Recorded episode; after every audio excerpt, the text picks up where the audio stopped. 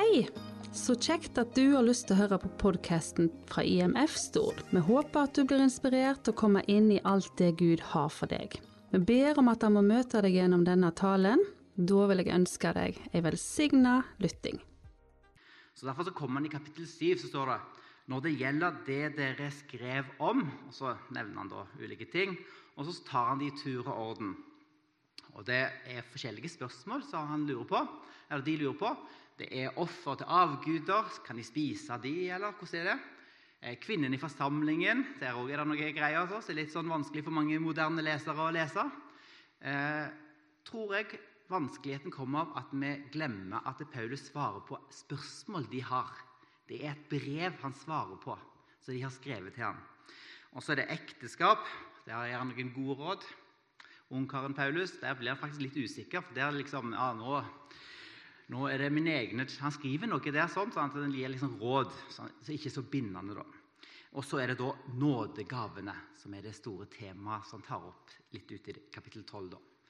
Og da, så da ser dere at Når det gjelder Han skifter nå tema for de andre.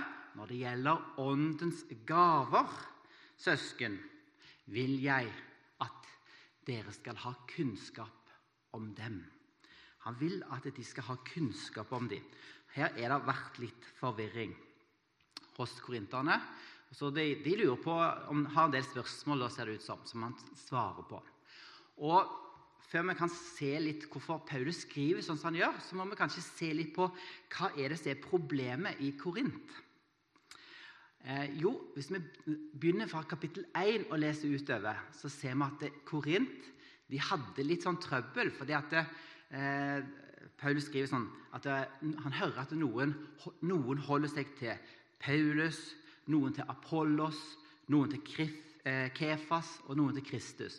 Så Det ser ut som det var litt sånn partidannelser i, i menigheten i Korint. Og eh, dette her syns han er litt sånn ille, da. Så kan det òg virke som at eh, det er en liten sånn eh, usikkerhet med disse åndelige gavene. Og Jeg ser for meg at Korint består av de trauste og de åndelige. Så eh, Det kan vi jo kjenne igjen eh, da. I norsk kristenliv også har det ofte vært litt sånn debatt om eh, åndelighet og tungetall osv. Og, og mange usikre på disse tingene. da. Men eh, eh, du ser det kanskje tydelig at vi er litt forskjellige. ikke sant? Jeg hørte en gang en sa at han var rundt og talte, så når han var, og talte i et bedehus, hva sa de der? Da sa de 'og du og du'. Når han kom til en pinnsmed, hva sa de da? 'Halleluja'. Men det er de samme de mener. Så eh, Hvordan skal Paulus klare å svare på disse spørsmålene de har? For Det ser ut som det er litt misbruk kanskje av gavene. Eller det er iallfall litt ting som, eh, som man må ta tak i, som vi skal se på litt etter hvert. Og da er det litt sånn eh, eh fristende sånn for oss da, liksom, Hvis det er trøbbel i en menighet, så går vi rett på saken og så tar vi, ser vi på hva er det dette handler om. Men det gjør ikke Paulus. For han, han starter en helt annen plass enn å gå i, gang og forkynne om disse gavene. Det, det, første han gjør, det er at han, han legger grunnlaget. Hva er det som forener oss? Og Paulus sjøl var jo blitt kritisert faktisk av disse korinterne. For de, de, sa at han, han er Paulus, når han kommer til oss, så er han svak. Og det er ikke noe særlig bra talekunst hos ham. Han har ikke disse retoriske tingene som mange hadde på Korint. Det var ikke så flott taler, liksom. Men han skriver i 1. Korinterbrev kapittel 2.: For jeg hadde bestemt at jeg ikke ville vite av noe annet hos dere enn Jesus Kristus og ham korsfestet. Det er korset som binder sammen. Jesu verk på korset det er altså 1000 millioner opphøyd i millioner i forhold til 0,01, som er de små tingene vi kan drive på med. Korset er det som er det sentrale. Og hvis vi ikke starter der med korset, så kan vi begynne å krangle og bli uenige om så mye detaljer. Men det er korset som binder oss. Det er korset som forener alle. Paulus skriver f.eks. i vers 30 i kapittel 1.: Dere er Hans verk i Kristus Jesus, Han som er blitt vår visdom fra Gud, vår rettferdighet, helliggjørelse og forløsning, for at den som er stolt, skal være stolt av Herren, slik det står skrevet. På, eh, jeg synes det var litt morsomt På Horneland så var det, for noen uker siden så var det en som kom ned og så sa han at var, ja, han takket for talen og syntes det var veldig fint, men jeg må, må, ikke overdrive, for da kan du bli så oppblåst. Ikke sant? Og Det er sånn, det er sånn vi mennesker kan bli. Hvis det lovsangen blir veldig bra, så kan vi bli veldig fornøyd. Hvis, ta, hvis du får mye ros for en tale eller et eller annet du gjør Det som kan skje, det er at eh, vi mennesker er litt skrudd sammen sånn at, eh, at det er ah, bra, de der greiene der. Altså, vi er litt sånn med, med, det, Nå funker det fint. Eh, og vi kan bli litt stolte i oss sjøl. Men du vet at det, det handler ikke om oss, dette her. Det handler om Gud. Hva Han i Kristus har gjort. Derfor er det ingenting å være stolt av. Noen kristne de tenker at eh, de som eh, står framme her og leder, det er de gode kristne. Det er de som liksom er, har gavene de som taler, de som spiller på piano, det er de som har gaver. Nei, de som leder nede på eh, teknikken. De som sto og ønsket dere velkommen i døra. De som satt hjemme i går og ba for dere for at dere skulle ha et møte til velsignelse for dere. De er alle like store, for det handler ikke om oss. Det handler om Kristus. Og Nådegavenes rette plass, det er i fellesskapet. Eh, jeg syns det er veldig, veldig, fint å lese i Bibelen om hvordan, hvordan felles, det kristne fellesskap og menigheten blir beskrevet. Og Det blir brukt flere metaforer, bilder, på den kristne menighet. Og Her ser dere på tavla her, fire stykker jeg har nevnt. Vi er en familie. Hvorfor det? Jo, for vi har alle en far, felles far i himmelen. Dere er mine søsken, brødre og søstre. Derfor er dere ikke lenger fremmede og utlendinger, sier Paulus til efeserne. Nei, dere er de helliges medborgere og Guds familie. Vi er familie. Så blir bildet med kroppen brukt, og det er denne Paulus bruker veldig mye i første Korinterbrev. Vi er en kropp. Det er et bilde på menigheten. Vi er lemmer på kroppen. Og det er ikke sånn at det, liksom, Han bruker et bilde. Øyet kan ikke si til fingeren du er ikke verdt noe. Nei, vi trenger hverandre.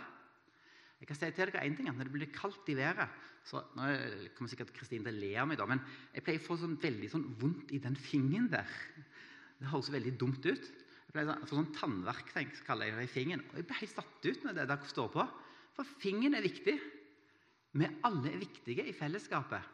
Det handler ikke om oss, det handler om den som er hodet ved kroppen, nemlig Jesus. Så ble det bildet om tempelet brukt. Og et tempel, hva, det, hva var funksjonen til et tempel? Har du tenkt på det? Ja, Tempelet var den plassen der, der Gud møtte folket. Det var der Gud kom med sitt nærvær, og til, der de tilba ham.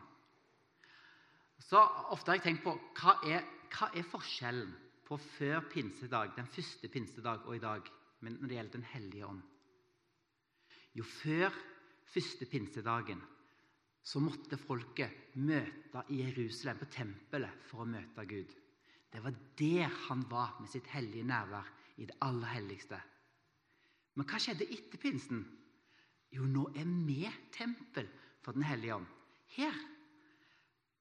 Gud er nærværende her fordi vi er tempel for Den hellige ånd.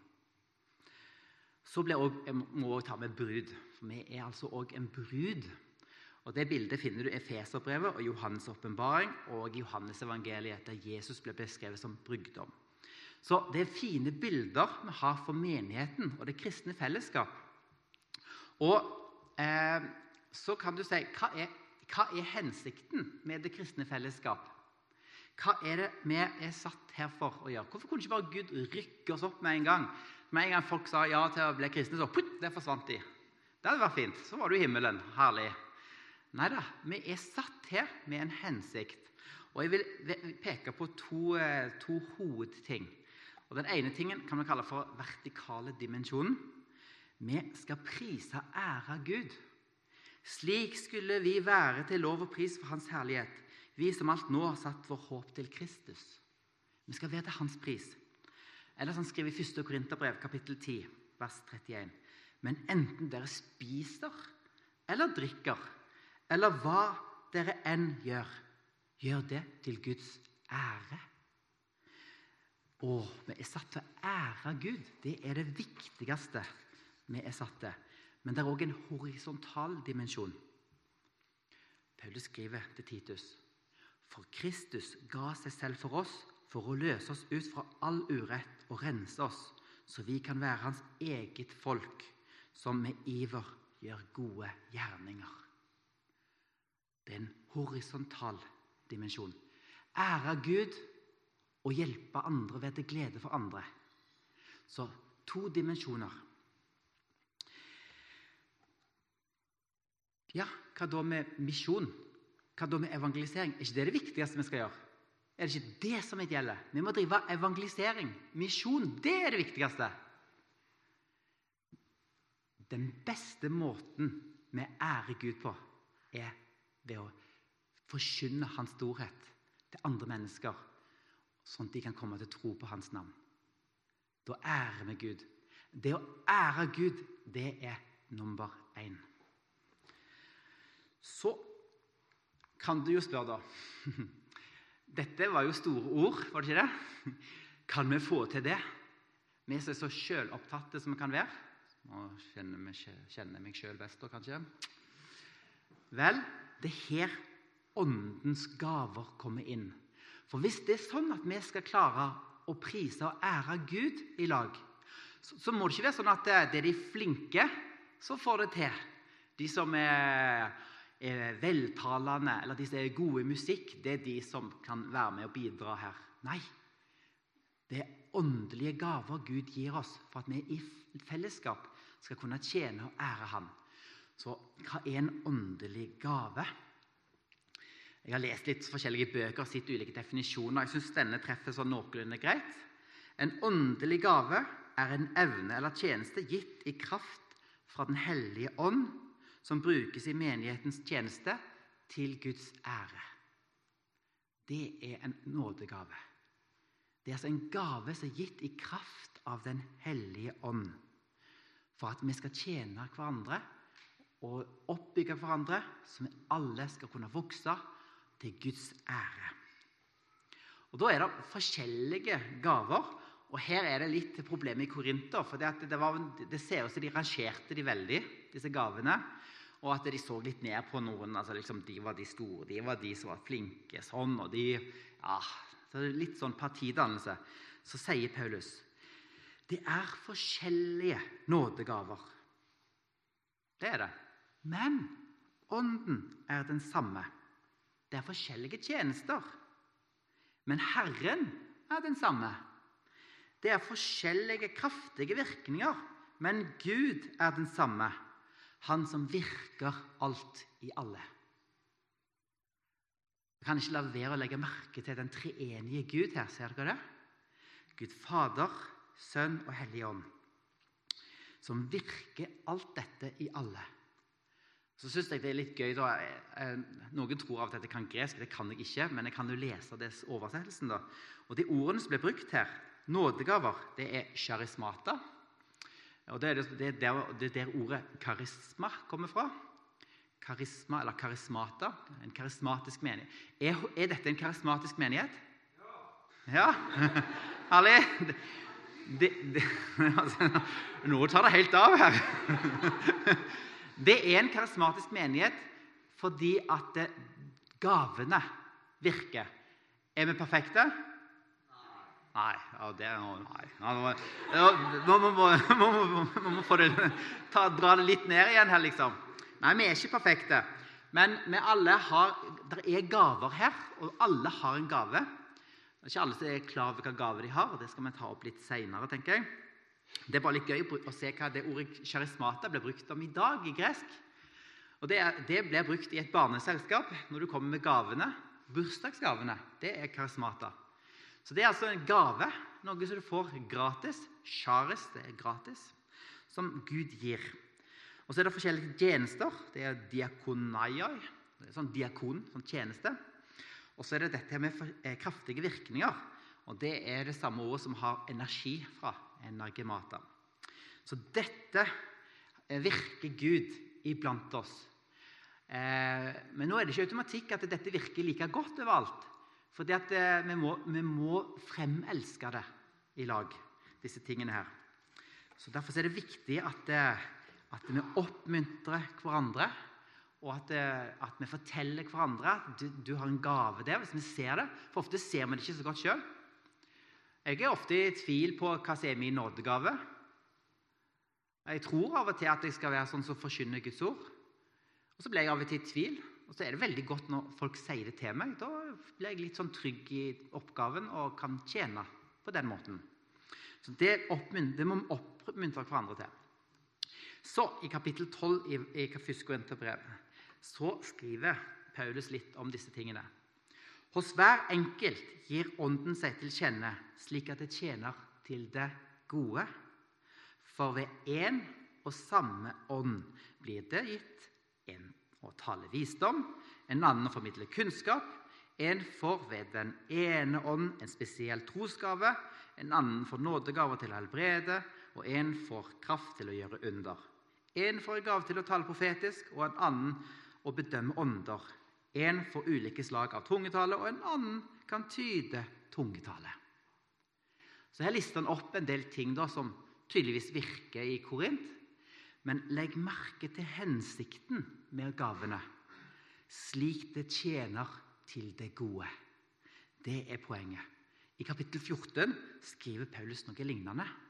Hva mener jeg da, søsken? Jo, når dere kommer sammen, har en en salme, en annen et ord med lærdom. En har en åpenbaring, en har en tungetale, en annen har tydning. Men la alt tjene til å bygge opp.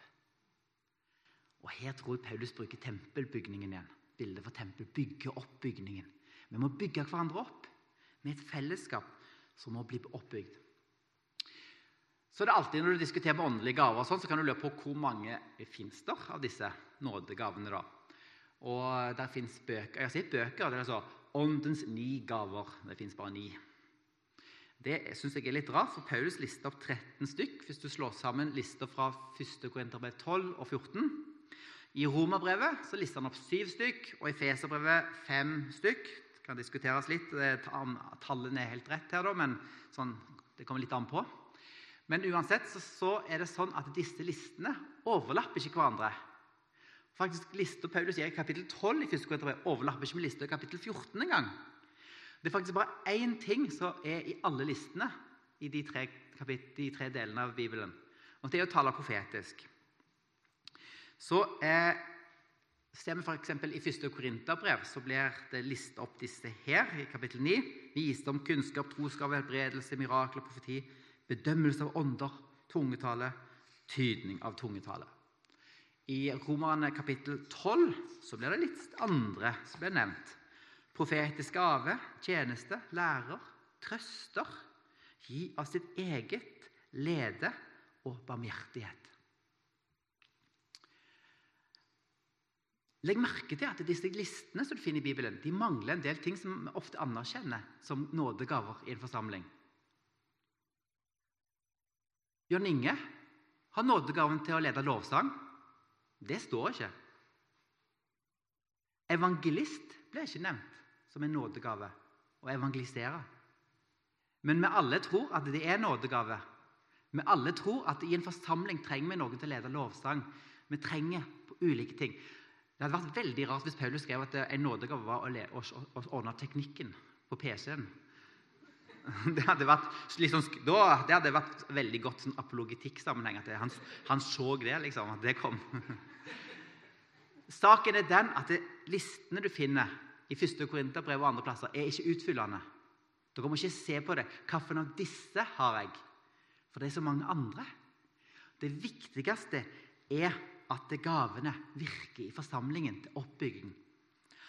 Alt dette, alt i sammen av nådegaver, virker den ene og samme ånd, som deler ut sine gaver til hver enkelt, slik han vil.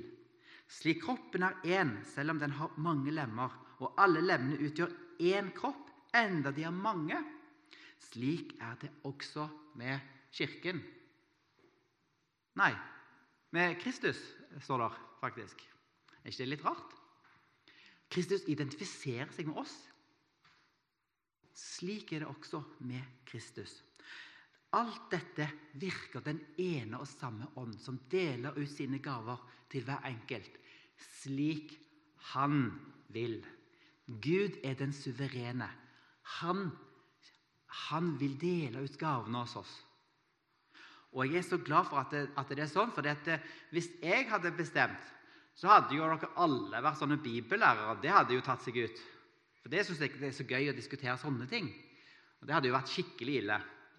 Eh, jeg syns det er litt gøy med den ene tingen jeg fant på nettet. Da, sånn.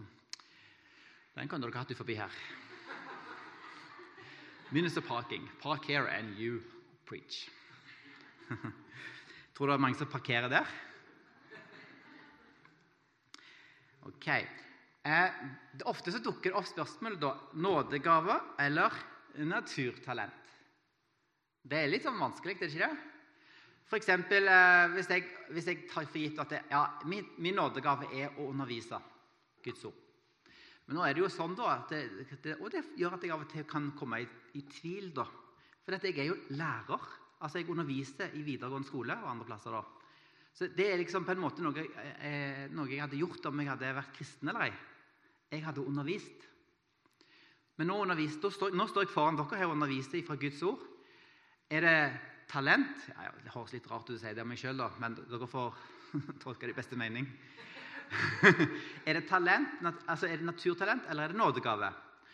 Og eh, Det første vi må, må slutte med, i hvert fall, det er å kalle sånne sånne ting som vi er gode på, for naturtalent. Hva har du som du ikke har fått? Din, altså Uansett hva det er, om det gjelder nådegave eller andre ting Vi skal takke Gud for alt. De som styrer landet, de som er en god advokat, eh, en som jobber med, med blomster altså Uansett. Folk som har evner, de er altså gitt av Gud. Så vi må slutte å kalle det for naturtalent uansett. Det er det første jeg vil legge merke til. Men det er en forskjell på naturtalent, eller talent, nå skal jeg slutte å kalle det, og nådegaver, mener jeg. Jeg syns at Peter får fram litt av dette når han sier i 1. Peter kapittel 4, vers 10.: Tjen hverandre med den nådegave han har fått, som gode forvaltere over Guds mangfoldige nåde. Du ser det at det, det er forskjell på et, den vanlige naturlige gaven du har fått av Gud, og nådegaven. Fordi at det, den nådegaven Ofte tenker vi jeg har den nådegaven, du har den nådegaven. Som det gjelder, handler om deg. Nei, det handler ikke om deg. Det handler om Gud, som vil gi sin nåde til forsamlingen. Vi er forvaltere av Guds nåde. Han har gitt nådegavene for at vi skal tjene hverandre. Vi forvalter Guds nåde. Og Det er forskjellen. For hensikten med nådegavene er ikke at vi skal bli gode, men det er at vi skal bygge hverandre opp. Vi skal forvalte Guds nåde. Vi har forskjellige nådegaver, sier Paulus i romerne. Alt etter den nåde Gud har gitt oss. Den som har profetisk gave, skal bruke den i samsvar med troen. Den som har en tjeneste, skal ta seg av sin tjeneste. Den som er lærer, skal undervise, og den som trøster, skal virkelig trøste. Den som gir av sitt eget, skal gjøre det uten baktanker. Den som er satt til å lede, skal gjøre det med iver. Den som viser barmhjertighet, skal gjøre det med glede. Jeg tror at det viktige ting å tenke på når det gjelder nådegavene, er en nådegave har hensikt å bygge hverandre opp, og Gud vil gi oss glede i den tjenesten vi har. Ok, det kan være tunge tider. Tro meg, når jeg har det travelt, jeg må forberede en tale, så angrer jeg på hele greia. Og sitter og strever på kontoret mitt og syns det er skikkelig ille. Så jeg har ikke så mye glede i det, men summen er å dele Guds ord, det har jeg glede i. Og Den gaven som du har gitt, så du må finne på en eller annen måte det er Hensikten at du skal også ha glede i det. Du skal ære Gud med det. Og det er òg sånn at eh, det er forskjell på natur, de naturtalentene, som vi ikke skal kalle for det, da, og nådegavene. Hvis jeg nå bare var en lærer, ikke hadde nådegaven å undervise, så kan jeg holde foredrag for dere. Det går fint. Det skal jeg alltid klare. Holde et foredrag. Velg meg et tema på Bibelen. Du kan bare gå på hvilken som helst høyskole med kristendom eller et eller annet. De kan holde foredrag for dere. Men når det er nådegavers virke, så er det en overnaturlig del av det.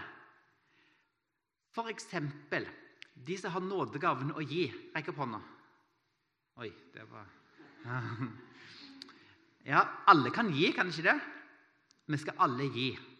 Men det er noen som har nådegaven å gi. Det tror jeg kommer av at noen har Gud utrustet sånn at de ser behovene på en måte som er umulig for oss andre å se. Så de kan gi fordi at de, de, de ser noe annet. Hvis jeg underviser og forkynner Guds ord, så kan jeg holde foredrag. Men hvis jeg taler som Gud vil, så skal jeg tale til dere i den situasjonen dere er. Så da må jeg se noe annet. Så det er en overnaturlig dimensjon her, der Gud virker på en måte i dag som han alltid har gjort. Så nådegaver det er noe Gud gir oss i forsamlingen, sånn at vi skal kunne tjene hverandre, bygge hverandre opp. Har du en nådegave? Ja, du har det. Vet du om den? Og når jeg snakker med kristne, så er det mange som ikke vet om hva nådegave de har. Men vi, vi må være, være flinke og oppmuntre hverandre, se hverandre. Og så må vi ikke være redde for å, å prøve å tjene hverandre med de tingene vi mener kan være bra. Paulus han hadde lagt hendene på Timoteus, så han fikk en nådegave. Men Timoteus han tror jeg ble litt motløs en periode. Og så ser det ut som denne flammen som var i han, slukna, for han praktiserte det ikke så skriver Paulus til Timoteus.: Derfor vil jeg minne deg om dette.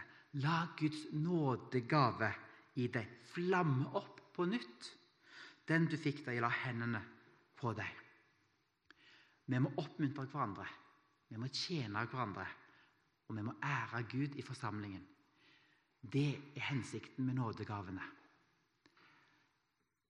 Kjære himmelske Far. Jeg takker deg for at du elsker oss så høyt. At Du har ikke bare latt oss være igjen alene, men du er midt iblant oss med din hellige ånd. Og Herre, du, du elsker så mye at du vil gi oss nåde over nåde. Og du har gitt oss nådegaver, Herre.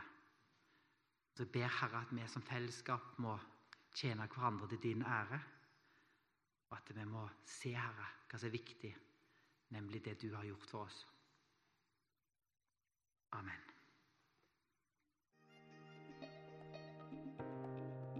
Da håper jeg du ble møtt av Gud gjennom denne talen. Husk, han har kun det beste for deg. Vi vil òg benytte muligheten og ønske deg hjertelig velkommen til våre samlinger på Lærvik bedehus. Og mangler du et kristen fellesskap, er du velkommen til IMF Stord. Besøk oss gjerne på vår Facebook-side eller på vår hjemmeside imfstord.no for mer info.